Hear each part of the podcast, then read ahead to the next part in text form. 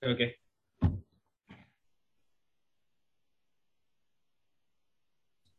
oke. Eh ya, Assalamualaikum warahmatullahi wabarakatuh. Teman-teman semuanya, akhirnya kita berjumpa lagi di eh, Zoom meeting John. Apa ini John judulnya aku lupa. Mengenal lebih de- dekat dengan eksistensi. Ini sih etika dan moralitas. Oh ya, etika dan moralitas. Gitu. Oke, jadi sebelum mulai kita absen dulu ya. jadi eh, Rayana akan menyampaikan materi di Zoom ini berkaitan dengan etika dan moral. Eh, jadi mohon diperhatikan. Adapun aturannya eh, saat pemateri memberikan materi tolong eh, dimatikan eh, mic-nya dan kalau bisa silahkan aktifkan eh, video ya agar mukanya kelihatan gitu. Oke, baik langsung saja kalau begitu silahkan eh, untuk Rayana boleh eh, menyampaikan materinya. Terima kasih. Oke. Ya makasih ya Bok. Eh, ya jadi santai aja lah ya ini mah adalah aku mah bukan pemateri gitu di sini karena pemateri mah tingkatannya udah dewa ya. Di sini mah cuma apa ya? Cuma ngebacot kali ya. Oke, eh, aku share screen ya. Ini aku ini saya ya. Kelihatan nggak? Ada? Eh, belum, belum. Belum masih loading. Ya, ada, ada. Oke. Yap, eh, ini etika dan moralitas ya. Jadi yang disampaikan semampu saya. Langsung aja.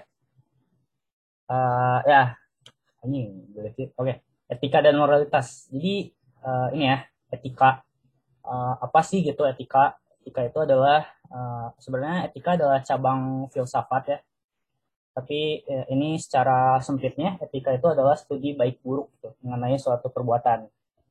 Jadi ya baik buruk gitu, bukan bukan benar salah gitu. Kalau ya benar salah mungkin matematika ya gitu. Satu tambah satu itu lima, nah, itu bisa dinilai gitu itu benar atau salah. Tapi kan etika mah baik buruk. Oh ini perbuatannya baik, ini buruk gitu. Oke, eh, lalu etika ini sering kali juga diartikan sebagai perbuatan standar gitu. Ya, oh mungkin kalau kita ngelihat orang yang berbeda gitu di lingkungan kita ya kita akan tertarik ya lalu oh, anjing ini aneh nih gitu. Itu kan apa ya ya gitu deh. Uh, oke lalu pada dasarnya ada tiga faktor utama gitu ya yang mempengaruhi etika tuh. Yang pertama ini adalah cultural difference perbedaan budaya mungkin uh, bisa dilihat ya uh, dari apa ya? Dari budaya orang Eropa terus sama budaya orang Afrika kan itu beda ya. Lalu orang Eropa sering kali meninggikan apa ya meninggikan uh, posisinya gitu dibandingkan ini. Jadi jadi terciptanya rasis itu karena ini ya cultural difference ini gitu. Itu juga mempengaruhi uh, etika ya mempengaruhi uh, standard of conduct tadi lalu ada knowledge ya iyalah gitu. Mungkin kita anak SMA memperlakukan anak SD itu kayak gimana gitu kan. Itu uh, ya uh, terjadi lah. Lalu ada organizational behavior uh, ini mungkin di di suatu circle ini uh, etikanya gini gitu. Di circle lain begini gitu. Ya begitu ya. Oh ya mungkin kalau yang mau nanya langsung aja ya. Nggak uh, apa-apa kok. Udah sekali lagi ini kan bukan saya bukan pemateri langsung aja. Interupsi juga boleh nanti. Oke. Okay. okay, lalu ini moralitas. Oh ya uh, sorry ini kan etika ya. Etika itu studi baik buruknya. Uh, oh, oke. Okay. kalau sopan santun kayak misalkan uh, makan harus pakai tangan kanan gitu. Uh, terus bertamu itu jangan nyelonong nyelonong nyelonong aja itu itu bukan etika ya itu namanya etiket gitu etiket itu adalah uh, suatu tradisi di kebudayaan tertentu gitu. Beda ya etika sama etikat. Gitu. Oke. Lalu ini ada moralitas. Moralitas itu moralitas itu adalah bentuk atau output ya, sorry ini input, output dari etika atau akhlaknya. Jadi perbuatannya gitu moral. Oh ini bermoral, ini tidak bermoral gitu. Ya, tadi kan etika mah studinya, moralitas itu adalah bentuk perilakunya. Oke, manusia yang tidak terikat pada moral disebut amoral. Ya, jadi amoral tuh ya tidak terikat pada moral gitu. Jadi ya sama kayak ateis lah gitu ya. Oke, lalu immoral beda ya amoral sama immoral. Immoral itu adalah yang tidak bermoral gitu. Dia megang dia megang moral tersebut tapi dia tidak melakukan sesuai moral gitu. Jadi immoral gitu ya. ya. Ini ada gambar sapi ini dan gambar orang ini. Ini biar ngeramein ngeramein uh, presentasi saya saja gitu. Di clip art gitu. Oh ya ini nih. Uh, ini ada ini ya. Uh, ada absolut dan relatif. Oke, yang pertama kita bahas ini dulu nih. Uh, ini the absolutely absolute. Jadi keabsolutan yang absolut itu kayak logika matematika itu matematika murni itu kan absolut ya absolut lah kita kita bisa memahaminya. Jadi nilai kebenarannya adalah sahih atau enggak sahih gitu. Valid atau enggak valid, invalid. Gitu ya. Kita bisa sepakati itu gitu. Nah, absolut. Lalu berikutnya ada keabsolutan yang relatif uh, ya kayak modern science, empiris, kayak gitu ya. Kenapa relatif? Karena ini metodenya itu bisa beda gitu. Ya, mungkin kalau anak IPA kalau di kalau di SMA gitu ya, uh, kita mau numbuhin kacang hijau itu kan apa ya? Metodenya ada yang di ke ke dalam apa? Ya, metodenya metodenya ada yang ke di tempat gelapin terus metodenya ada lagi yang dikasih pupuk gitu ya biar tumbuh itu kan apa ya relatif ya metodenya gitu beda.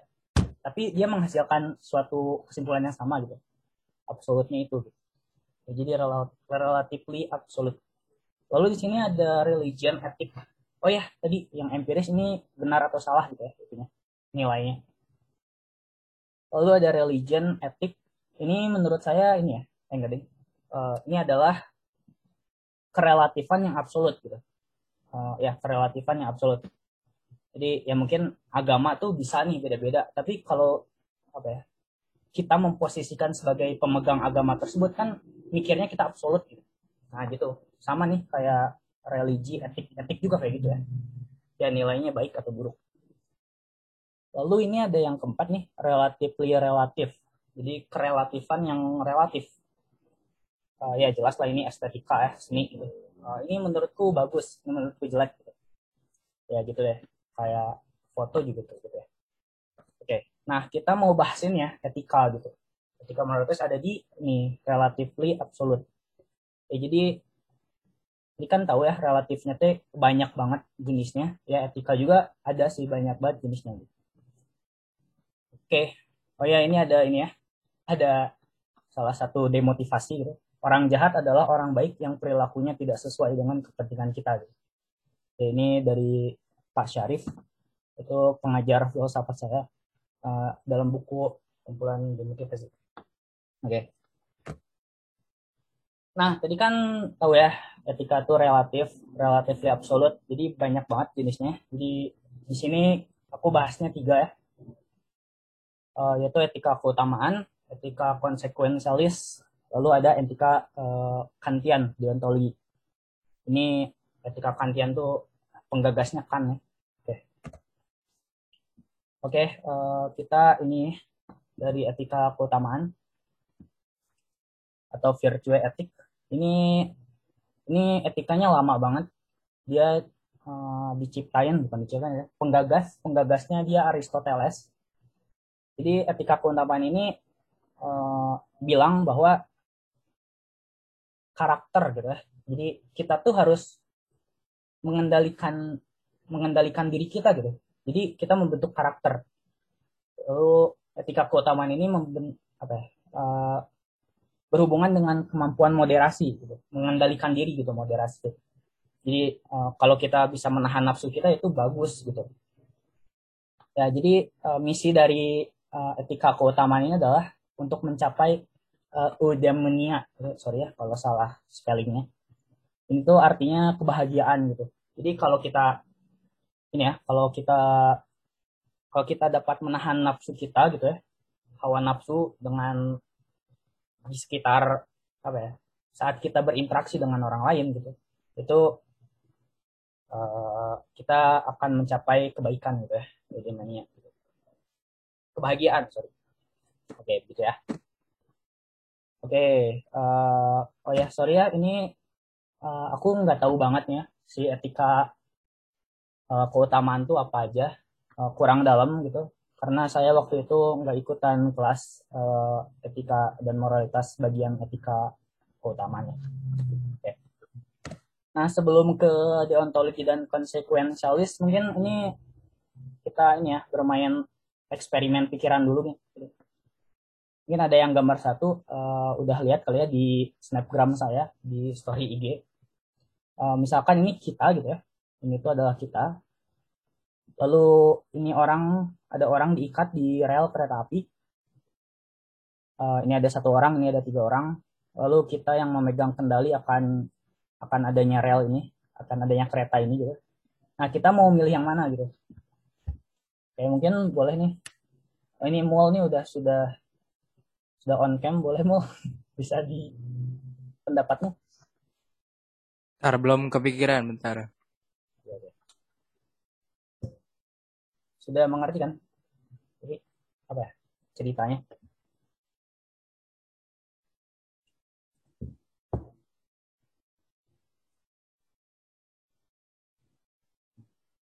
Cerita ada si nih.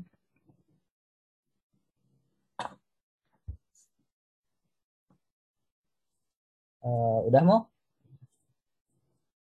Ya gimana? Ya gitu uh, ini kita eksperimen pikiran. Jadi ini misalkan mana terus yeah. mau apa ya kendali rel ini ada di tangan mana gitu. Mana mau nyelamatin orang yang satu orang ini atau yang tiga orang gitu.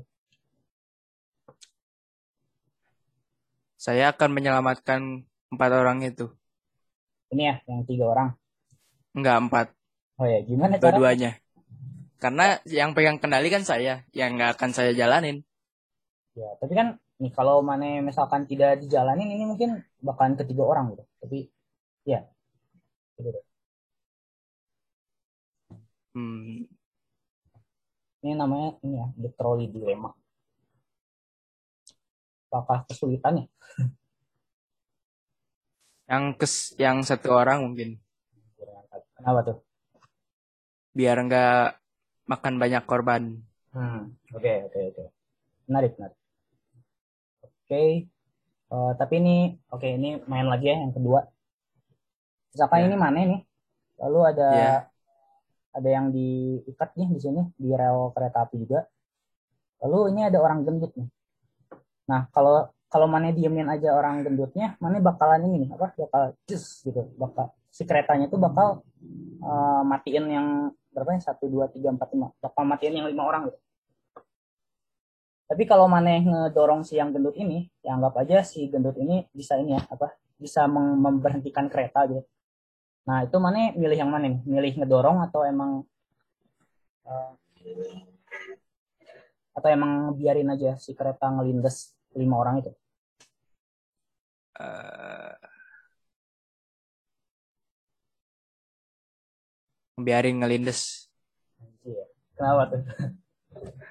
Gak tahu. Oke, oke, oke. Option saya itu sih. Oke, terima kasih Mo ya. Ya, ya sama-sama. Ada yang lain nggak? Nih, kawanku. Siapa lagi nih? Zidan, Jit. Boleh? Halo, Rai. Ya, halo. Enggak sih, kayaknya sama kayak mau tadi. Nyelamatin yang tiga orang, terus yang satu lagi uh, nggak ngedorong Oke, okay, siap, siap. Oke, okay, thank you, thank you. Oke, okay, jadi sama ya. Kurangnya awalnya gitu sih, sama gitu. Tapi ya kita lihat dulu. Bentar. Nah, ini kita ke etika konsekuensialis. Jadi, uh, etika konsekuensialis juga sering disebut etika teleologis, yaitu uh, etika yang menekankan konsekuensi gitu atau tujuan sebagai ukuran apakah suatu tindakan dapat dinilai baik atau buruk. Ya, tergantung konsekuensi. Kalau konsekuensinya baik, ya itu bagus kalau kata etika konsekuensialis ini gitu. Ya, ini sering dianggap ini ya sama etika deontologis berlawanan gitu. Uh, ya tadi kan konsekuensi ya gitu. Kalian milih ini ya, milih yang lebih banyak gitu, yang diselamatkan. Itu kan konsekuensi les ya, yang pertama. Tapi yang kedua, kenapa kalian gak mau ngedorong si yang gendut ini gitu? Itu kan apa ya?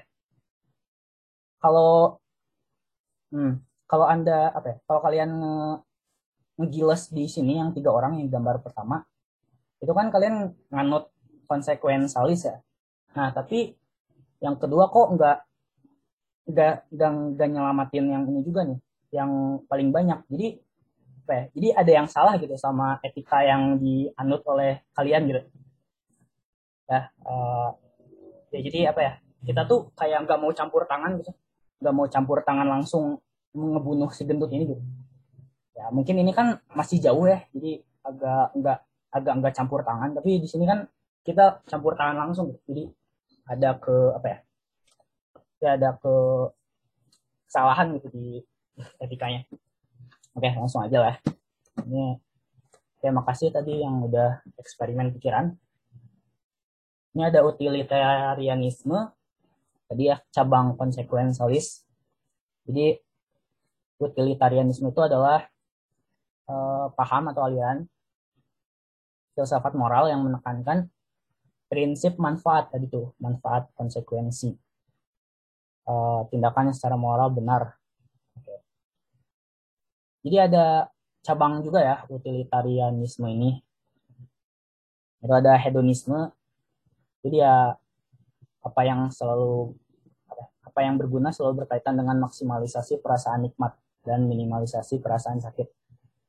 Ya, jadi hedonisme itu kayak boros gitu ya, karena ya senang gitu kita kan konsekuensi juga ya kalau kita senang gitu. Itu baik juga gitu. Oke, lalu ada lagi cabangnya utilitarianisme John Stuart Mill. Ini kritik terhadap hedonismenya ini ya, Jeremy Benham katanya.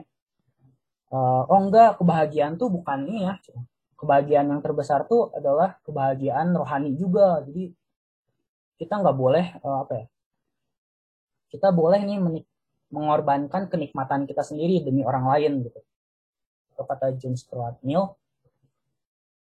Uh, ya lalu ada utilitarianisme peraturan. Jadi uh, kalau kita mematuhi hukum uh, kita bakalan memberikan pengaruh yang baik gitu bagi hmm, bagi sekitar kita gitu. Ini contohnya ya kita mengenakan masker itu kan bakalan ini ya apa konsekuensinya bakalan baik nih ke sekitar kita. Gitu. Oke lalu ada egoisme juga uh, utilitarianisme mengarahkan pada egoisme juga itu paham yang bagi kegunaan diri sendiri gitu. Uh, ya jadi hidup mah gimana saya yang penting tidak mengganggu orang lain gitu. Gitu ya. Egoisme gitu. Oke. Oke ini ada kritiknya terhadap etika konsekuensialis katanya. Uh, ya jadi uh, ya tadi kan ada ini ya argumen dari egoisme katanya. Hidup mah suka-suka gue yang penting gak ganggu orang lain. Itu kita memangnya tahu dari mana kita nggak nggak ganggu orang lain gitu. Dengan kita mengambil apa ya dengan kita lahir ke dunia juga kita kan sudah ya sudah merepotkan orang tua kita gitu. Ya gak sih?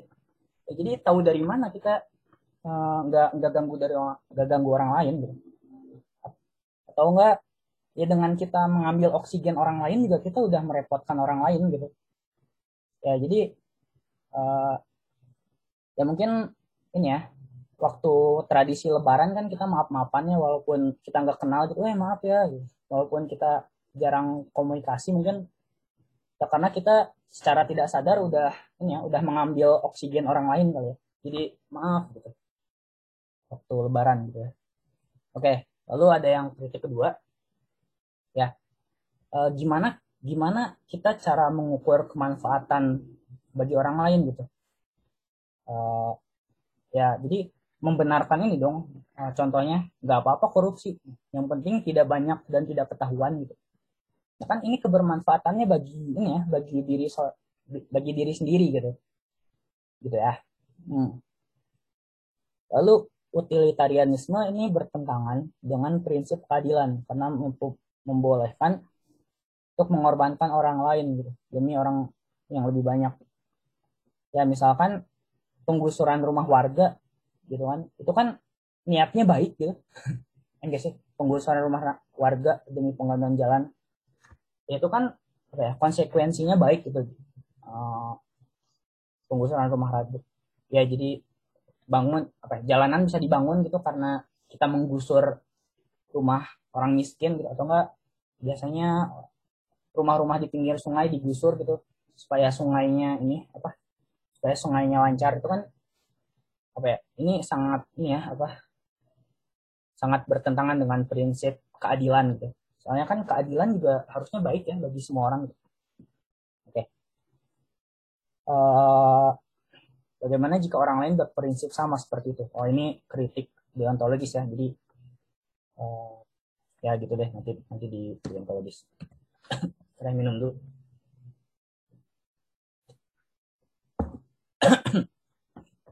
Oke, lalu ini ke etika kantian, deontologi, yaitu filsafat moral yang mengatakan bahwa sebuah tindakan itu dikatakan benar jika tindakan tersebut selaras dengan prinsip kewajiban. Oke, okay. etika deontologi tidak menganggap akibat tindakan sebagai faktor yang relevan untuk diperhatikan dalam menilai moralitas suatu tindakan ya jadi etika kantian ini ini ya uh, berdasarkan pada kewajiban gitu wah kita emang harus gini gitu gitu ya biasanya ini dianut oleh tentara sih uh, deontologi ini gitu. ya. ini penggagasnya Immanuel Kant ya. jadi menurut Kant katanya dasar paling dalam teori dasar paling dalam dari teori moral adalah akal budi uh, bukan pada kegunaannya ini berlawanan kan ya sama konsekuensialis tadi. Ya, jika seorang tidak berbohong bukan karena akibat tindakan tersebut menguntungkan bagi dirinya, melainkan karena berbohong itu bertentangan dengan hukum moral. Ya, gitu ya. Eh, lalu ada ini imperatif kategoris, katanya yaitu perintah yang mengikat mutlak setiap makhluk rasional dan merupakan tujuan dalam dirinya uh, ini ya beda dengan imperatif hipotesis. Jadi imperatif hipotesis itu misalkan uh, apa ya? Misalkan kita ngerjain tugas itu karena emang kita pengen nilai gitu. Jadi kan ada tujuannya, emang kita pengen nilai bukan bukan kita nengalai bukan kita bukan kita ngerjain tugas emang karena kewajiban yang disuruh oleh dosen gitu mungkin. Ya jadi ya kita ngerjain tugas karena ada pengen dapat nilai itu imperatif hipotesis. Jadi ada tujuan gitu di baliknya. Nah, kalau imperatif kategoris ya ya jangan dong. Hmm, perintah mah ya itu emang kewajibanmu gitu. Ya kamu harus ngerjain tugas emang karena itu emang karena itu tugas kamu gitu, dikasih gitu. Itu ya. Oke. Nah, ini ada prinsip imperatif kategoris katanya. E, bertindaklah demikian hingga apa, sedemikian rupa sehingga prinsip atau kaidah tindakanmu itu bisa sekaligus kau kehendaki sebagai kaidah yang berlaku umum. Ya jadi maksudnya gini, uh, misalkan nih, misalkan saya memilih untuk tidak membuang sampah gitu ya. Eh, saya memilih untuk buang sampah sembarangan gitu. Nah, aku teh berpikir bahwa, wah gimana ya kalau kalau semua orang di dunia ini buang sampah sembarangan gitu. Itu kan jadi kacau gitu. Ya enggak? Enggak, eh, ini deh. Uh, contoh lain uh, saya berbohong gitu demi kebaikan saya. Lalu kita tuh bertindak apa ya kita tuh berpikir bahwa oh, gimana ya kalau semua orang ini berbohong gitu demi kebaikan gitu? Itu kan bakalan kacau juga gitu. Ya, mudah ya ngerti ya mungkin. Ya gitu deh. Jadi kan itu mau nunjukin bahwa tindakan moral itu ya logis gitu. Nggak nggak perlu pakai apa ya nggak pak nggak nggak usah pakai ini ya tidak terikat waktu dan tempat gitu. Mungkin uh, bisa paham ya mungkin. Ya jadi gitu. Ini pikirin deh pikirin kalau semua orang tuh berlaku jahat gitu. Misalkan uh, oh saya tidak mau dibunuh maka berpikirlah saya nggak akan membunuh orang gitu. Kalau semua orang membunuh ya itu kan bakalan kacau gitu. itu ya logisnya gitu ya kan ini mau nunjukin gitu moral tuh logis kok. Gitu. jadi ya nggak terikat ini ya nggak terikat budaya atau uh, background masa kecil gitu. Jadi kalau diskusi nggak ini ya apa kesimpulannya nggak nggak ada nggak ada ini ya kesimpulannya oh, wah kesimpulannya dikembalikan pada diri masing-masing. Itu kan nah nggak ada kalau katakan yang ngapain kita diskusi kalau dibalikan ke masing-masing gitu ya. Ya biasanya gitu ya moderator suka suka ngomong balikan ke balik masing-masing gitu.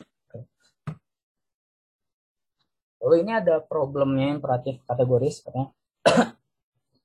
Ya kurang memberi ruang bagi dilema moral.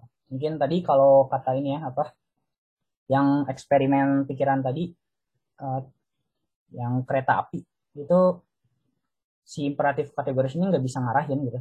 Nggak bisa dia cuma bisa membatasi kan imperatif kategoris gitu. jangan apa ya, jangan buang sampah sembarangan gitu. jangan membunuh jangan jangan apa lagi ya ya tadi ya jangan buang sampah sembarangan dia hanya apa ya dia hanya membatasi gitu bukan mengarahkan jadi kan kalau konsekuensialis dia bisa mengarahkan pada dilema uh, real tadi gitu dia bisa mengarahkan bahwa oh ya itu selamatin aja yang lima orang gitu tapi si kantian ini nggak bisa. Lalu ya sifatnya terlampau formal ini kaku banget gitu jadi ya tadi kan jangan ingkar janji jangan mencuri jangan berbohong. Ya tadi kan uh, kurang ini ya tidak bisa mengarahkan hanya bisa memberi batas. Hmm. lalu ini ada kritiknya terhadap deontologi katanya kaku ketika ini kaku lalu ini ada dari dari film Jurassic Park 3 katanya. Uh, ini gimana ini ngartiannya some of the worst thing imaginable have been done with the best intention. Jadi ya kira-kira uh, niat baik niat baik ya belum tentu uh, hasilnya baik juga gitu. Ya gitu ya. Uh, ya. Ya mungkin kita bisa sering ini ya sering sering dengar bahwa bilang wah niatnya mah baik. Pemerintah tuh niatnya baik tapi kan caranya buruk. Itu kan apa ya dia kan deontologi banget ya. Jadi berdasarkan kewajiban berdasarkan pada niat gitu. Ya kayak gitu ya. Semoga bisa dipahami. Ya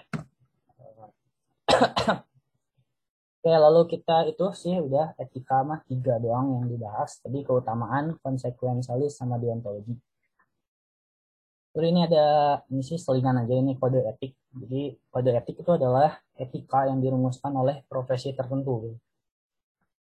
Jadi biar bisa ini ya, untuk menentukan profesionalismenya sebagai uh, dalam profesi tersebut. Ya mungkin semua uh, ini ya apa fotografer mungkin ya mungkin ada gitu kode etiknya gitu nggak nggak boleh moto nggak boleh moto privacy gitu ya mungkin itu kode etik ya. Jadi ber, berhubungan dengan profesionalisme.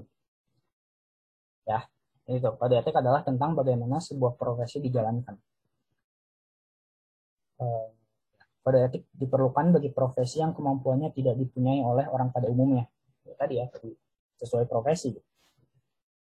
Oke. Ya, kode etik ini bertujuan untuk ya, tidak ada penyalahgunaan profesi untuk kepentingan pribadi atau golongan. Ya, jadi oke. Oke. Oke, lalu ini ada ini ya, etika lingkungan. Ini sangat seru sih. Selingan juga. Jadi kita ini ya, manusia, kita sebagai manusia gitu, seharusnya memandang alam itu secara menyeluruh gitu, berdasarkan alam yaitu ekosentrisme. Ya jadi masih banyak gitu ya yang yang ngakunya uh, pecinta lingkungan tapi dia disebabkan oleh tempat tinggalnya terancam gitu. Ya mungkin uh, apa ya misalkan wacana global global warming gitu. Itu kan apa ya, kita peduli karena banyak banyak yang peduli karena wah emang e, bumi ini bakalan hancur nih gitu.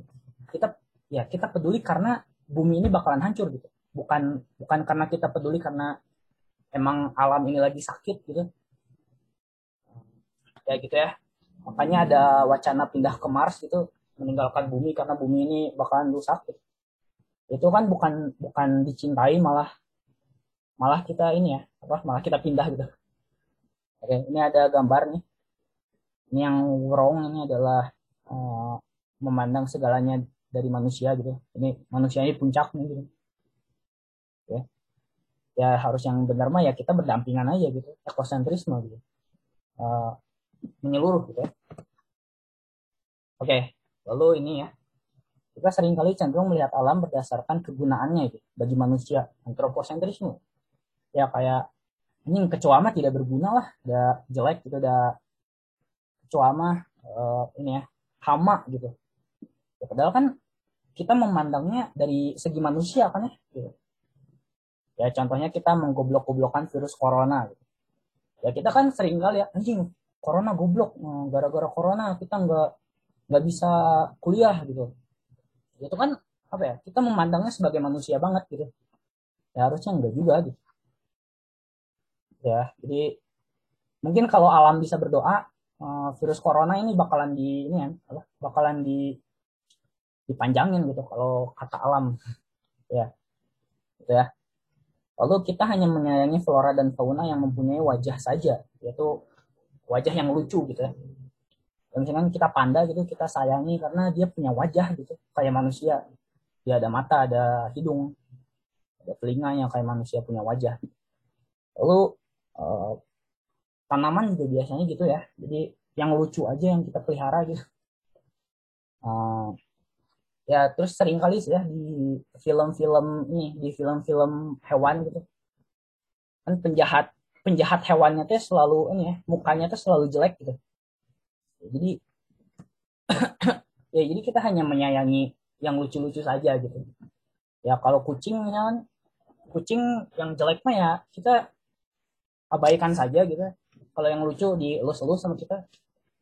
Uh, kucing 10 kan yang lucu mah di dibawa-bawa sama cewek gitu ya tapi yang biasa aja mah ya diantepin gitu ya gitu deh ya ini nih ada slogan yang sangat catchy ayo selamatkan bumi demi anak cucu kita gitu ya ini biar anak cucu kita bisa mengeksploitasi lebih banyak gitu ya begitu ya, kita selamatkan biar anak cucu kita bisa mengeksploitasi lagi.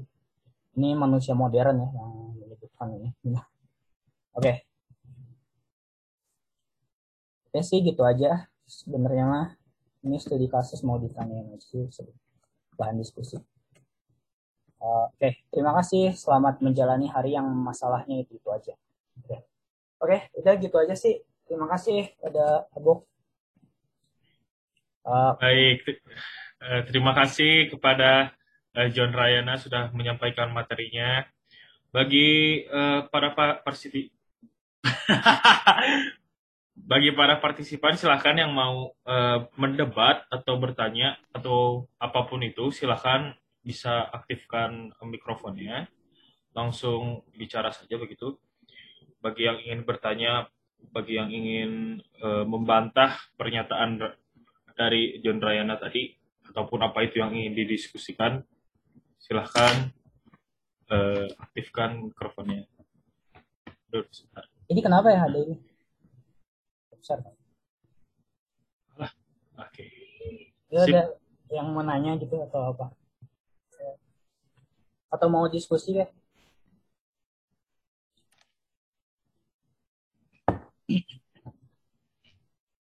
Ayo Agung biasanya suka aktif. Kan udah bilang, orang mau nyimak doang. Ah enggak, ah, kamu katanya mau ini. Mau lanjut, mana? Mau. Yuk. Ada tanggapan? Agung mana Agung buka diskusi Agung? Di luar kapasitas saya. Aduh. Wah, suka gitu Agung ah. Ya tapi jelas ya tadi orang Semoga ngerti ya. Jelas Oh, jelas. Jelas cukup jelas. Terima kasih. Kalau ada yang Silakan di Pak. Eh, tadi katanya mau bertanya. ada nggak? Kalau nggak ada, ini ya, orang tadi ada studi kasus biar ditanyain masing-masingnya. Oke, bentar ya. Orang share screen lagi.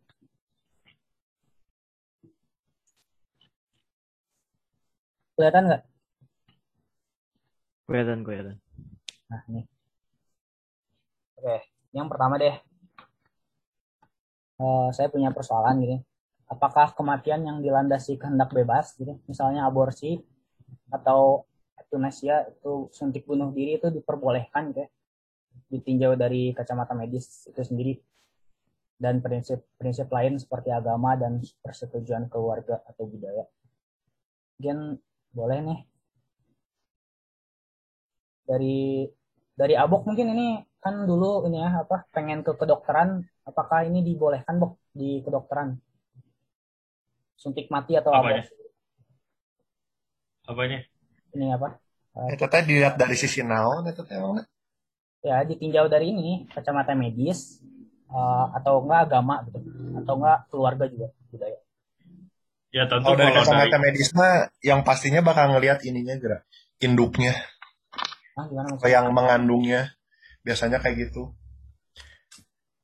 Misalnya dikasih pilihan gini, kalau tetap dilanjutin nanti waktu melahirkan ibunya meninggal misalnya. Anaknya hidup. Kalau nggak diaborsi tapi kalau diaborsi ibunya tetap hidup anaknya yang dikandung meninggal. Biasanya gitu doang jadi dibolehin kalau dari medis doang mah. Oh, aborsi aborsi boleh? Boleh. Eh bukannya pernah si Bu Risma itu ngomong bahwa aborsi itu termasuk dalam tindak pidana gitu? Karena ada manusia yang terbunuh. Oh jadi itu kan dari segi apa ya ngitungnya itu eh, jiwa ya. Maksudnya kan walaupun masih janin dalam artian masih ya nggak tahu lah bentuknya apa gitu ya itu kan tetap ada jiwanya. Jadi kalau di dihitungnya dari sisi itu mungkin iya kayak misalnya agama. Dari agama misalnya Islam ya. Kalau Islam praktik aborsi nggak boleh jelas ya kan? Karena itu kan karunia Tuhan tapi kalau misalnya ada apa namanya ada satu hal tertentu kayak misalnya penyakit lah atau gimana ya berarti ada hitungannya sendiri gitu loh. Aing nggak nggak begitu paham sih. Cuma kayak gitu sih yang orang tahu. Yang salah tuh kayak gini. Mana misalnya eh, udah nikah nih tapi nggak mau punya anak dulu tapi hamil. Terus aborsi aja aborsi aja padahal nggak ada apa-apa menurut orang itu salah kayak Kenapa? gitu kenapa salah Hmm? Karena ya mau gimana pun mana udah ngelakuin hubungan intim gitu ya. Udah having sex gitu kan. Kalau mana nggak mau punya anak, kenapa nggak make ya alat kontrasepsi lah atau nggak di apa namanya Bok? Non sih? KB Yang biar sperma nggak masuk gitu ke rahim atau gimana lah kayak gitu. Intinya kayak gitu. Kayak terus kalau udah hamil kayak gini di aborsi begitu aja kayak kayak nah itu kan salah lu gitu kan kalau lu nggak mau punya anak kenapa kayak gitu kalau orang sih ngeliatnya kayak gitu kalau ini bukan apa kalau kita lihatnya kasus pemerkosaan gitu itu kan agak ini ya agak sulit gitu Eh. itu gimana? Ah, kalau pemerkosaan mah itu mah apa, apa eh, kuasa penuhnya itu ada di yang diperkosanya menurut orang. Jadi jangan sampai kayak si dari sisi keluarganya udah aborsi aja misalkan kayak gitu atau dari yang ketahuan perkosanya misalnya. Eh, saya mau tanggung jawab lah gitu misalnya. Menurut orang mah itu kuasa penuhnya ada di yang korbannya yang diperkosa. Kenapa? Ya dia yang menanggungnya gitu loh. Walaupun emang kayak dia nggak salah tapi kan dia yang harus hamilnya harus itu itunya jadi kuasa penuhnya ada di dia menurut orang mah kayak gitu. Kalau misalnya dia mau misalnya udah dibesarin aja misalnya hamilin aja maksudnya dilahirin nanti ya itu haknya dia. Kalaupun dia mau di aborsi aja ya ya udah. Menurut orang kayak gitu. Ya, menarik, menarik. Udah soalnya kalau misalnya ngomongin keadilan orang mah nganggapnya keadilan tuh gini. Nggak semua keadilan bagi seseorang itu merupakan keadilan bagi orang lain kayak gitu. Misalnya ya kan?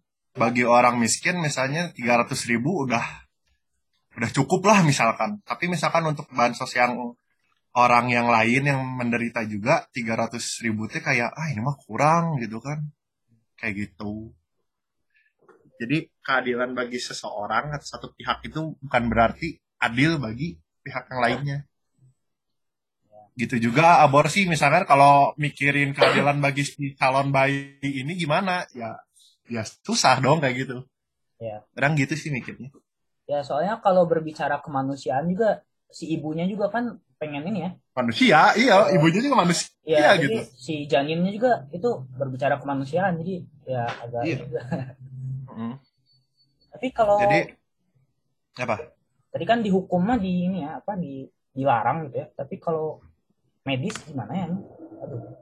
kalau hukum itu yang pasti mah orang nggak tahu ya pasal apa apanya tapi yang seorang tahu itu kalau dihukum nih mah praktik ilegal yang bikin teh. Misalnya kayak kedukun you know lah gitu kan. Tapi kalau misalkan aborsinya beneran gitu ibaratnya ada surat menyuratnya kayak gitu menurut orang dan setahu orang itu bener. Cuma kan kalau di Indonesia sendiri rata-rata kalau misalkan aborsi ya kedukun Ya, kayak ya ya ya you know lah what I mean gitu kan kayak praktik ilegal gitulah ini ini ya apa? Mungkin Iya. ber- berhubungan juga sama budaya kali ya. Soalnya di kalau di timur Oh. mah mungkin aborsi itu sesuatu yang tidak diperbolehkan, tapi kalau di barat-barat itu ada kali ya itu apa? Boleh gitu. Tetap ada yang boleh Ya. yang enggak. Oh, gimana Jit? Iya di di barat juga tetap ada protes. Ada yang protes juga Oh iya sih ya. di depan kantor ini Ya, di sex ada education ya. klinik. Oh, oh benar-benar di sex education ada. Ya, tapi itu kan menunjukkan bahwa dari dokter boleh gitu. Iya nggak sih? iya Ini dari sisi medis mah bukan ya disahkan Boleh. boleh, boleh aja Hmm. Tapi kalau kata orang juga harusnya boleh. Kenapa tuh? Mantap. Ini kenapa? Karena apa ya? Eh tadi kan kalau misalnya ke agama tuh ada jiwa, ada ruh ya. Ya, ya. Cuma kan Iya. secara eh, sains juga jiwa atau ruh juga itu belum tentu ada atau enggak maksudnya. eh apa ya? Apakah ada apakah bisa dilihat gitu kan kalau misalnya secara sains mah. Apakah bisa dipegang, apakah bisa Nah, kelihatan gitu jiwa atau Belum- belum pasti kayak gitu gitu. Ya belum pasti. Jadi misalnya ya janin yang ada di apa namanya yang ada di perut juga apakah ada ruhnya atau ini itu kan baru sebenarnya baru eh, anggapan ditaruh sama agama kan. Ya, ya. Belum terbukti terbukti ada secara sainsnya gitu sih. Terus selain itu juga apa ya? Kenapa dibolehin sebenarnya eh si anak ini emang udah jadi janin tuh udah mungkin kehitung manusia. Cuma cuma apa ya? Eh janin udah kehitung manusia. Tapi teh kan balik lagi sih kalau kata aku dia tuh eh, emang punya hak nantinya kalau udah lahir. Cuma dia juga bisa mikirin hak kayak gini. Dia tuh nggak nggak milih untuk dilahirkan. Ah, iya. Nah, heeh, dia nggak milih untuk kayak gitu. Yang milih tuh ya orang tuanya gitu. Jadi eh dengan kata lain kata orang boleh-boleh aja kayak gitu. Kalau dari ini mah ya, apa? Segi apa ya? Dari apa ya? Segi apa ya? Nggak tahu orang juga. Mungkin karena belum apa ya? Belum bisa memutuskan kali ya janin itu, iya nggak sih? Iya benar. Belum ada kehendak bebas gitu. Iya sih, ha, belum ada kehendak bebas. Belum apa ya? Belum, misalnya belum hidup. Iya sih. Belum belum ada kesadaran gitu. Ah, bahkan yang udah hidup juga bisa ngomong kayak gitu kan, bisa ngomong yang kayak tadi orang bilang gitu, nggak minta untuk dilahirin, tapi ya orang tuanya yang yang mau punya anaknya gitu kan, Oke, oke. yang udah hidup pun bisa bisa kayak gitu, gitu Rai. Mantap, mantap. Menarik, menarik. Tapi nggak tahu ya, ini, ini ada yang babehnya dokter nggak sih? Enggak. Oke, oke, oke. Makasih, Cip. Oke, dari Mo, gimana Mo? Ada dapat? eh apa ya? Udah diambil semua sih tadi kata-katanya apa? Jadi intinya tuh kayak kalau misalkan kayak kalau praktik aborsi gitu kata orang sih banyak faktornya sih. Banyak faktor negatif sama positifnya. Mungkin kalau misalkan diperbolehkannya karena diperbolehkannya praktik aborsi itu karena mungkin dari itu juga diperbolehkannya tuh karena udah tanggung gitu maksudnya. Apa sih? Eh Itulah intinya, ngerti kan maksudnya? Ya, Ya ada, ada faktornya lah kenapa diperlakukannya gitu, mungkin gitu sih. Jadi boleh-boleh aja sih mungkin. Kalau suntik bunuh diri gimana, Bu? Suntik bunuh diri kalau misalkan suntik bunuh diri atau suntik eh kayak misalkan ini orang udah penyakit terus mau meninggal apa gimana? Oh, iya. Maksudnya bunuh diri Mati, Ya gimana? kayak gitu, ah. Iya, euthanasia ya gitu. Jadi orang tua kalau yang udah udah sakit-sakitan gitu ya, daripada anak Ya, daripada anaknya riweuh gitu, ya dia disuntik gitu. ya itu kan berarti balik lagi ke itunya keluarganya mau benar Hmm, ya. eh, mau nyuntik si eh, lansianya atau gimana. Kan mungkin eh, ngambil keputusan buat nyuntik tuh mungkin karena Terus emang gak mau ngebebanin lagi kan. Banyak faktornya juga. Ya. Balik lagi ke ke pendapat ke si keluarganya sendiri Balik lagi ke Iya. budaya sih sekarang persetujuan keluarga gitu. budaya. Oke oke. kenapa budaya tuh Ya karena kan kenapa budaya ya memang kalau di timur kan wah jangan banget gitu. Tapi Ya. kalau di barat agak longgar gitu kan. Ya. bisa juga Baik baik. Thank you thank you. Menarik menarik. Terus dari siapa lagi nih? Dipa tuh Dipa. Ayo kita ngomong. Oh Dip, Hei, sok sok. main di kamar mandi. Ente, enggak ente. Apa tuh gimana? Mana ada pikiran, ada pemikiran? Ah, hmm. Eh, dipenuhi kebingungan masih dipenuhi kebingungan sih kalau tentang yang aborsi dan euthanasia gitu. Tapi kalau misalnya melanjutkan yang tadi gitu ya, eh, tentang euthanasia kayak euthanasia itu kan mungkin di apa ditemukannya tuh gara-gara eh, suatu permasalahan gitu. Kayak ada kayak, kayak kakek nenek-nenek yang udah tua, udah rentan gitu, yang sakit-sakit terus kok nggak meninggal meninggal ya kayak susah juga buat keluarganya nah, makanya yang nemuin euthanasia itu itu gitu nih ada euthanasia gitu ada jawabannya jadi masih bingung gitu sih menurut saya Oke, baik. Baiklah, baiklah. Oke, oke. Jadi kita masih belum ini ya. Ah, masih pada kebingungan mungkin mungkin masa depan ini bisa dijawab kali ya si masalah ini gitu. Oke, amin amin tapi kayaknya kalau dari yang dibahas di sini kayaknya bener juga sih kayak menurut persetujuan keluarga juga sih budaya lagi baiknya menurut saya oke, baiklah. Oke, oke. Makasih. Ya, mudah-mudahan gitu ya dengan diskusi kita kali ini kita bisa membawa ini ya buat masa depan gitu bekal buat masa depan untuk eh, bisa menjawab masalah ini gitu ya. Oke. Lalu yang kedua nih, apakah modifikasi gen itu diperbolehkan dihadapkan dengan konsep penciptaan dan penentuan siapa yang hidup? Ah, kurang rame ya, ya nggak sih? Ya udah, kalau ada ini mungkin. Itu mah kayak kalau dari sisi sains mah pasti fine fine aja. Tapi kalau maneh ngomongin agama udah kayak kayak apa ya? Udah udah udah nggak boleh meren. Ya, ya sih? sensitif agama sensitif jangan. Kan kayak apa ya? Terlalu apa apa. dari mata orang sendiri aja kalau modifikasi gennya itu kayak untuk bentar. Aduh. Ya kak ulang ya. Kalau dari mata orang sendiri sih kalau modifikasi gen itu ibaratnya untuk manusia ya ini manusia ya maksudnya.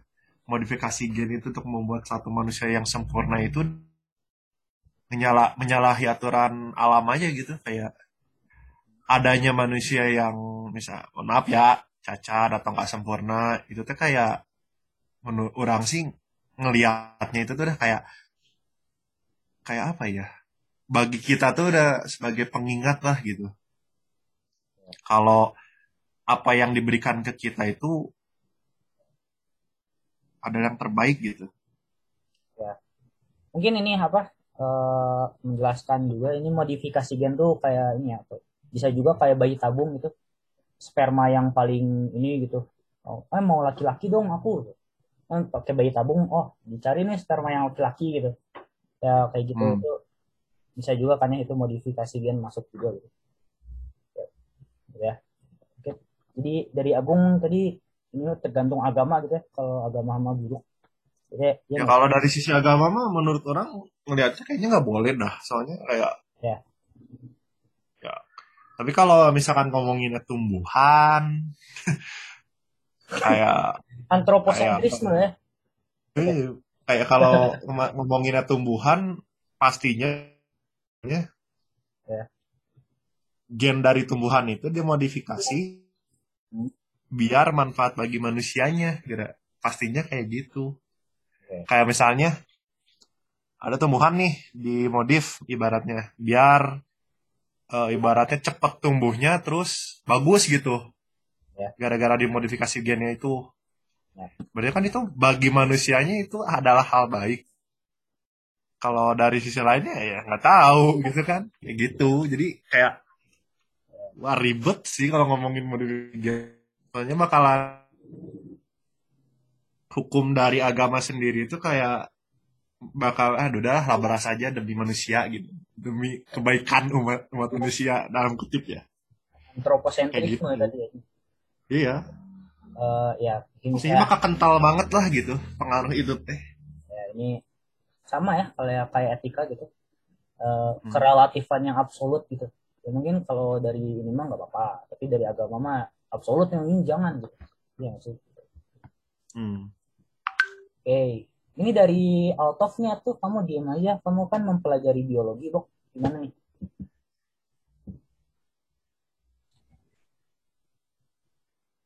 Nomor berapa? Nomor dua. ya nomor dua boleh atau enggak nomor satu juga?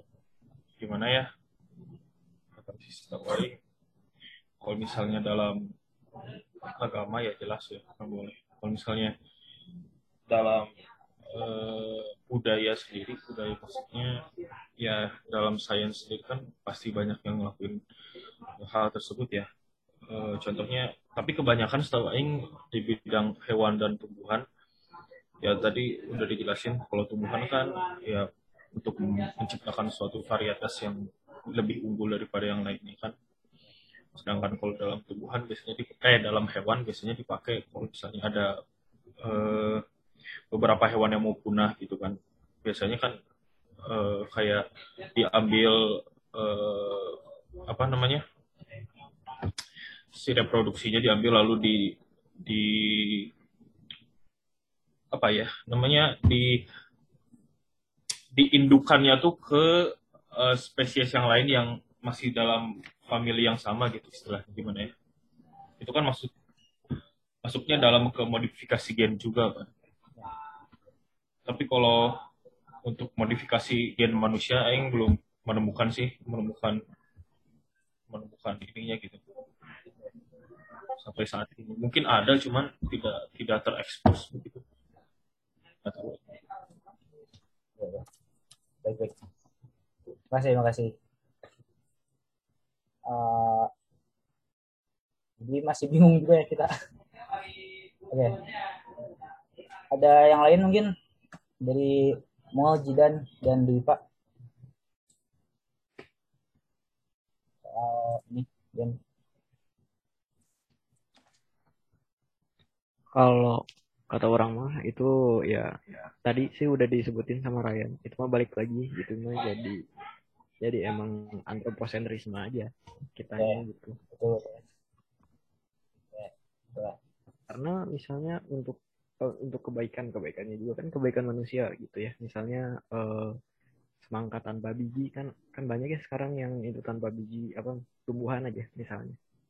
Eh, tumbuhan tanpa biji lah, ini tanpa biji lah gitu kan ada banyak. eh bisa saja itu tuh kayak cacatnya mereka gitu tidak tuh merubah mereka yang tadinya udah udah diciptakan kayak gitu tapi eh, diubah terus jadi eh, diubah sama kita buat kepentingan kita buat eh, apa tadi antroposentrisme dan itu tuh cacatnya mereka kayak gitu. Bisa aja sih. Ya, bisa gitu. gitu. Hmm, terus kalau misalnya ada manusia kalau ada manusia yang apa namanya yang eh, dimodifikasi gennya itu berarti ya gila juga gitu. Berarti ya yang apa manusia yang hidup emang memandang apa namanya manusia lain juga. Bukan antrop- antroposentrisme bahkan itu udah egoisme mungkin itu udah Tuhanisme nih. Oke oke, thank you Jit. Mantap mantap. Oke, kayaknya cukup deh atau eh, siapa pun boleh lah ya, langsung aja kalau emang mau ada pendapat mah. Kalau ini dokter, oke mungkin ini di luar bahasan kita ya dokter. Nah ini nih, ini menarik nih.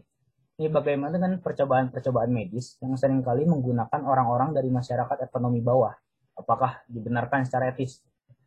Jadi mungkin ini ya, eh, siap waktu awal-awal corona deh, kalau mau diinfeksiin corona nanti dikasih ini ya, dikasih uang gitu. Atau gimana? Terus ini Agung sudah on cam nih. On mic anjir. Oh ya, Menurut orang itu mah balik lagi sih. Kalau percobaan itu paksa ya, nggak etis. Tapi kalau misalkan ada yang mau nggak, terus sukarelawan, terus walaupun dikasih iming-iming duit gitu ya. Ya. Cuma menurut orang sih, kan ini apa ya, balik lagi-lagi demi kebaikan umat gitu ya. Ya. Jadi kalau misalnya orang yang mau jadi kelinci percobaan ya berarti ya, ya, ya. ibaratnya kelinci percobaannya lab itu eh, secara sukarela walaupun dapat du- biar dapat duit gitu mau. Ya menurut orang sih etis-etis aja. Soalnya emang udah ada Persetujuan apa ya. ya? kesepakatan ada pe- persetujuan di antara ke- kedua belah kedua belah pihak misalnya kayak gitu. Terus kalaupun misalnya kayak masa perang dunia kedua tuh kayak si ilmuannya Nazi yang di camp konsentrasinya. Hmm. kayak gitu-gitu nah baru nggak etis. Soalnya ya mereka tuh kan secara sepihak dan memaksa dan menyiksa lagi kayak gitu loh. Ya. menyiksa gitu jawabnya sama sekali misalkan kalau udah mati ya udah mati nggak nggak bakal dikasih tahu ini mati gitu nggak ya udah weh mati ya udah mati Hmm. Kayak, ya baru itu nggak etis kayak gitu menurut orang sih kayak gitu Oke oke oke. Eh tapi ada nggak sih yang percobaan-percobaan gitu tapi nggak nggak dibayar gitu?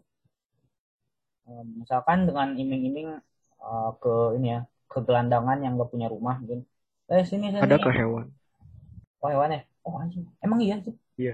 Iya tuh kan eh, vaksin atau apa pun vaksin yang udah ada sekarang pun sebelum dicobain ke manusia ke hewan dulu. Hewan Iya, dulu. Ke tikus, habis tikus primata, baru Ini kita. antroposentrisme banget manusia teh bangsat. Oke. Ya. Hmm, enggak tapi Nah, jadi hukum alam nggak sih anjir kayak gitu deh Ah, ini nggak tahu itu. karena bisa diibira bisa diibaratkan kalau manusia itu kan kan kalau hukum alam siapa yang kuat itu yang bertahan ya kan Ya bisa bisa. manusia sendiri bisa dibilang kalau ada banding sama makhluk yang lain gitu ya Di puncak. ya gitu. bisa dibilang itu paling kuat gitu Ya, ya. maksudnya kan manusia kalau kalau hidupnya bisa sendiri bisa koloni gitu ya kalau manusianya jadi hidup secara, secara koloni dia kan punya teknologi dan lain-lain. Sedangkan makhluk hidup yang lain nggak bisa. Jadi ya kalau lihat hukum alamnya emang udah kayak gitu nggak sih? Ya ya hukum alam mah iya gitu. Tapi ini kan Hmm. apa ya? Manusia kan antroposentrisme eh, memandang bahwa segala yang ada di bumi ini diartikan menurut manusia gitu. Nah, gitu deh. Ya mungkin Ya, secara jadi- hukum alam mah iya gitu menurut Rayana mah mungkin eh secara hukum alamnya mungkin ya sih benar kayak gitu cara kita bertahan hidup emang kayak gitu bener sih emang kayak gitu tapi apa ya eh, lebih ke ini mungkin ya yang eh, ekosentris tuh maksudnya kita nggak memandang Ya. eh, tuh apa namanya makhluk hidup lain tuh tidak mengobjek mengobjekkan mengobjektify apa sih objektify itu mengobjektifikasinya Heeh, jadi Ya. kita tidak mengobjekkan mereka Hmm. Antroposentrisme Ya, kayak itu sering kali bahwa wah subjek itu manusia gitu. Objek tuh Hmm. semua yang ada di bumi. Jadi bisa diapain aja objek gitu. Ya gitu deh. Oke, ini balik lagi nih ke sini. Eh tapi ada nggak sih manusia yang jadiin percobaan gitu ya dengan iming-iming bahwa wah sini ya ke ke apa ya ke pemberdayaan masyarakat ke eh misalkan gelandangan gitu terus sama pemerintah dicoba eh, dikumpulin gitu di rumah lembaga masyarakat terus dijadiin percobaan mereka. Ada nggak sih yang kayak gitu? Nggak ada ya? Ada mungkin zaman dulu. Ya, sih bisa ya. Oke, jadi kita belum tahu ini ya persoalan nomor 4 kita tidak tahu juga. Oke lalu apakah dokter dapat benar-benar independen? Ini gimana nih? Jadi ya kan Maksudnya naon? Dokter tuh kan ada kayak sumpah dokter kayak gitu ya ya nggak sih? Terus mungkin kalau eh, kerabat kita gitu yang sakit eh, mungkin kita sering kali mendahulukan kerabat kita dulu atau ya gitu deh. Gimana nih? Jadi ingin menjawabnya setahu Aing, kalau masalah ini karena orang pernah baca juga. oke. Jadi sebenarnya kalau dokter itu dalam sumpah dokter itu di, di sumpahnya itu nggak menjelaskan semata-mata hanya sumpah aja, tetapi di dalamnya juga ada beberapa tata laksana termasuk tadi eh, mendulukan apa eh, kerabat atau semacamnya gitu. Sebenarnya nggak boleh gitu yang kayak gitu teh. Setahu Aing ya. Eh, pertimbangannya itu dari dari macam-macam dari usia, dari eh, kemungkinan besar untuk sembuh gitu. Jadi setahu Aing nih, kalau di, di dunia kedokteran gitu, misal ada orang yang udah tua dan eh, penyakit, misalnya udah penyakitnya udah parah gitu, dan ada orang yang masih muda dan penyakitnya ya udah biasa-biasa aja. Nah, dokter itu mendahulukan yang muda dan penyakitnya biasa-biasa aja gitu. Ngerti nggak sih maksudnya? Nah, memang sesuai dalam eh, di sumpah tersebut memang seperti itu gitu. Dan eh, mas eh, independen atau enggak itu sebenarnya dokter itu udah terikat dengan sumpah tersebut. Jadi menurut Aing sebenarnya bisa tapi susah juga sih untuk independen gitu. Dalam art dalam artian ya seperti yang disebutkan tadi. tapi mungkin bisa juga nggak sih independen tuh kayak terikat pada politik rumah sakit gitu? Hmm, mungkin bisa juga ya. Kalau misalnya ada aturan tertentu dalam rumah sakit gitu, ya pasti pasti terikat juga sih. soalnya kan yang apa ya, yang Syafi Effendi itu kan dia dia nanya ke kita sekelas mau jadi dokter atau pemilih rumah sakit? Cuma, itu kan. Itu itu menurut balik lagi ke orangnya masing-masing sih kalau misalnya orientasinya mana mau jadi bagi orang yang berduit ya mana jadi pemilik rumah sakit. Kalau misalnya mana menjadi orang yang berjasa ya mana jadi dokter gitu kan. Mungkin itu gimana ya apa eh, arti dari independennya itu kali ya? Kayak kayak gitu deh.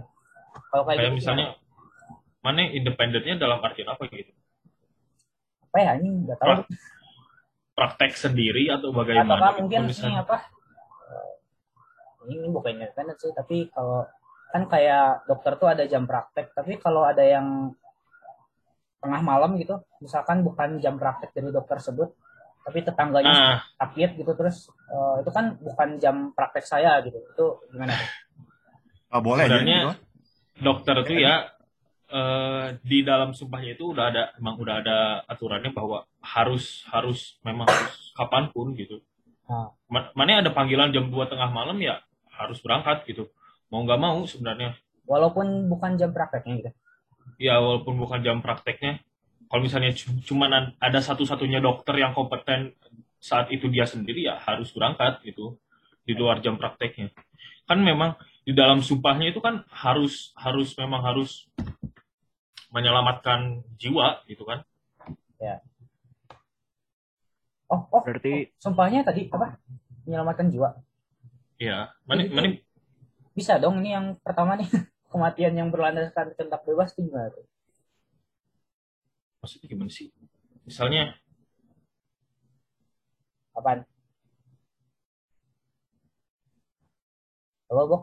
Kenapa? ya ya gimana gimana gimana nggak ngerti ya Tadi kan dalam sumpah dokternya katanya kata kamu ya ya ya itu kan eh, dokter menyelamatkan jiwa gitu kan ya.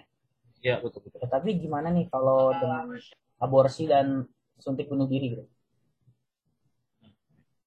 biasanya kalau suntik bunuh diri gitu kan masuk masuknya ke hukuman gak sih Kalau Suntik emang mati mah lebih digunainnya untuk hukuman. Heeh, jadi Kayak kalau untuk yang udah tua banget, udah penyakitan, biar udahlah disuntik mati aja udah kayak biasanya nggak nggak nggak disuntik mati tapi ya udah didiemin itu kayak kayak yang Aing bilang tadi kan ngerti nggak kayak orang Hmm. udah udah udah tua udah sakit sakitan dan sebagainya macam ya dokter ya udah aja gitu dia tuh udah tahu sebenarnya pasien yang bisa diselamatkan dan pasien yang tidak bisa diselamatkan tuh udah tahu makanya gini. Kebanyakan orang yang udah udah apa ya maksudnya udah kayak udah gak sadar udah penyakitnya udah parah gitu. Biasanya kan kayak udah aja gitu nggak di nggak nggak dikasih perawatan apa pun gitu ngerti sih? Kayak ya udah cuman obat atau gitu. apa gitu. Dibiarin mati gitu aja. dirawat, cuma nggak maksimal banget Iya, lah gitu. iya, iya, iya itu. Udah, Nggak harapan maksimal. untuk hidupnya tuh udah kecil gini. Iya, sebenarnya dokter tuh udah tahu gitu yang kayak gitu. Jadi mereka akan lebih memilih eh, keselamatan eh, apa pasien yang tingkat keselamatannya lebih tinggi gitu. Kayak mana dalam logikanya gini kan kalau udah tua pasti ya mereka udah mau apa lagi gitu nggak sih?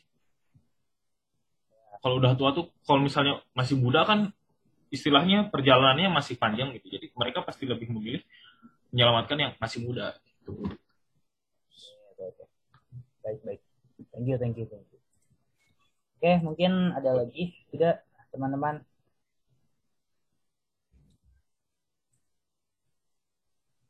Gimana? Orang mau nanggapin tadi yang apa namanya yang dokter di luar jam kerja. Nah, boleh, boleh. Berarti kalau misalnya eh, dia tuh emang harus di luar jam kerja, seharusnya mah eh, dokter ini nggak masuk ke pekerjaan, tapi lebih ke role role dalam apa namanya? Role Ah. dalam tatanan manusia aja gitu. Demi kemanusiaan gitu ya. Mm-mm. Gitu, itu aja dong, itu doang sih. Oke. Bisa juga sih ya. Oke, oke. Eh, tapi gelar dokter tuh ini nggak sih, apa kan melekat gitu? Eh, apa ya? Ya, jadi harus menolong, harus menolong gitu. Jadi tidak terikat pada ini nggak sih? Atau gimana sih? ini? Gimana gimana? Ya kan tadi kalau di luar jam kerja mah dia apa ya? Dia mah hanya sebagai eh, yang bisa doang gitu ya. Yang bisa menyelamatkan gitu. Eh nggak jadi deh ngomong. sorry, sorry, sorry. Hmm. Kalau maksud Rama tadi, eh, jadi kalau misalnya eh, gelar dokter nih, gelar dokter tuh kayak apa ya?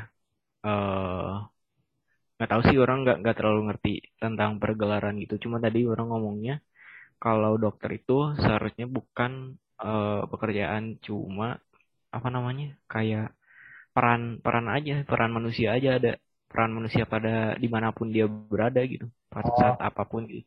Ngerti. Jadi yang lain tuh manusia dia dokter ibaratnya kayak gitu mungkin. Oh, oke. Ngerti, ngerti. Oke. Hmm. Pijit. Oke, ada lagi kawan-kawan. Yuk. Kalau tidak ada. Atau mungkin ada yang nanyain lagi nih tentang tadi yang di belakang-belakang imperatif kategori apa atau apa gitu. Dari aku mah nggak ada Ray. Oke, thank you. Oke. Mual gimana mual? ada lagi Cukup, cukup sih. Mantap tuh Dipa Dipa Sudah, sudah bagus. anjing mantap Agung gimana Agung tuh Bahas orang. Udah kali ya, ada nggak ada yang ditanyain, kita cukupkan gitu. Ya apa ya? Mungkin saya tidak percaya kesimpulan akhir gitu, jadi ya nggak apa-apa lah. Eh, ini simpulan sementara saya gitu. Jadi etika tuh kalau kita lihat-lihat gitu ya, ini jadi apa ya? eh, tidak benar-benar ada etika yang sejati gitu. Soalnya tadi kan ada kecacatan juga tuh si konsekuensialis, deontologi juga itu kan kecacatan juga. Eh, lalu ya sih kayaknya nggak ada yang belum benar-benar absolut gitu. Jadi etika tuh belum ada gitu kali ya. Nah, kesopanan juga itu kan berdasarkan budaya eh, keseharian kita gitu. Mungkin di tempat lain tuh beda di sini itu sopan gitu. Jadi apa ya tidak ada yang eh, absolut ya. Jadi kita mempelajari etika tuh bukan berarti kita harus wah saya mah eh, deontologis oh saya mah konsekuensialis gitu. Tapi kita memahami apa ya? Memahami konsepnya gitu bahwa mungkin di contohnya kayak di budaya budaya A gitu untuk mencapai kebahagiaan itu adalah dengan mengorbankan mengorbankan eh, mengorbankan satu orang gitu. Tapi di budaya B dia untuk mencapai kebahagiaan tuh dengan eh, apa ya dengan membangun benteng gitu. Itu kan apa ya kita bisa tarik gitu ya apa kita bisa tarik kedua-duanya itu eh, mereka melakukan itu untuk melakukan kebahagiaan gitu. Eh, untuk ya tujuannya kebahagiaan gitu. Ya jadi gitu deh ya. Semoga bisa dimengerti ya eh, diskusi pemaparan saya gitu. Eh, ya gitu deh saya kembalikan ke Altov kalau gitu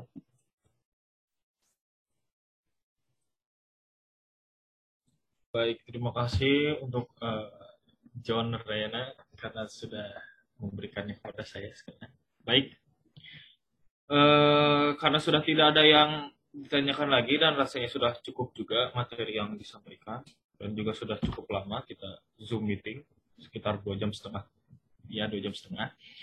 Maka dari itu eh, kita cukupkan saja eh, Zoom meeting kali ini. Semoga ilmu yang kita dapatkan hari ini ya eh, bisa berguna kelak di kehidupan nanti ya. Terima kasih teman-teman. ada ini nggak dokumentasi book Dokumentasi oke. Satu, dua, tiga. Oke, dah sip. balik Satu guys lagi, satu, satu dua, tiga. Oke, dah. Gak gini, kali Aing nggak bisa ngefoto. Gimana cara oh, ngefoto? ini. Ya udah deh dari dari aku aja deh Oke, oke, oke. ya tuh kita on cam dulu siapa tuh Agung dan Abuk ya Agung dan Dipa Sih, mantap sih. Waduh, Dipa. Masih minus gitu Dipa Eh, bagi corona bagi cacat wae panon eh asli aduh Akibat ini isolasi. asli eh Agung gimana Bung Uskung. Wah, ah, kamera orang buduk eh. Ah, kalau gitu Agung mah. udah deh eh siapa ya satu Oke. satu dua tiga oke sekali lagi atau udah lagi ya nah, sekali lagi ya Oke, oke, oke. Udah, udah, udah. Cang, ayo satu satu mau mau mau gimana mau gini atau gimana Eh, gini aja, gini. bebas lah yuk Oke, satu dua tiga dah yuk Oke, oke, oke, oke. Terima kasih teman-teman. Eh, semoga sehat selalu, jaga kesehatan. Amin, amin, amin. Amin. Jangan keluar dulu karena Nah. belum waktunya ya. Oke. Ini aku ini ya apa? eh, stop recording gue ya.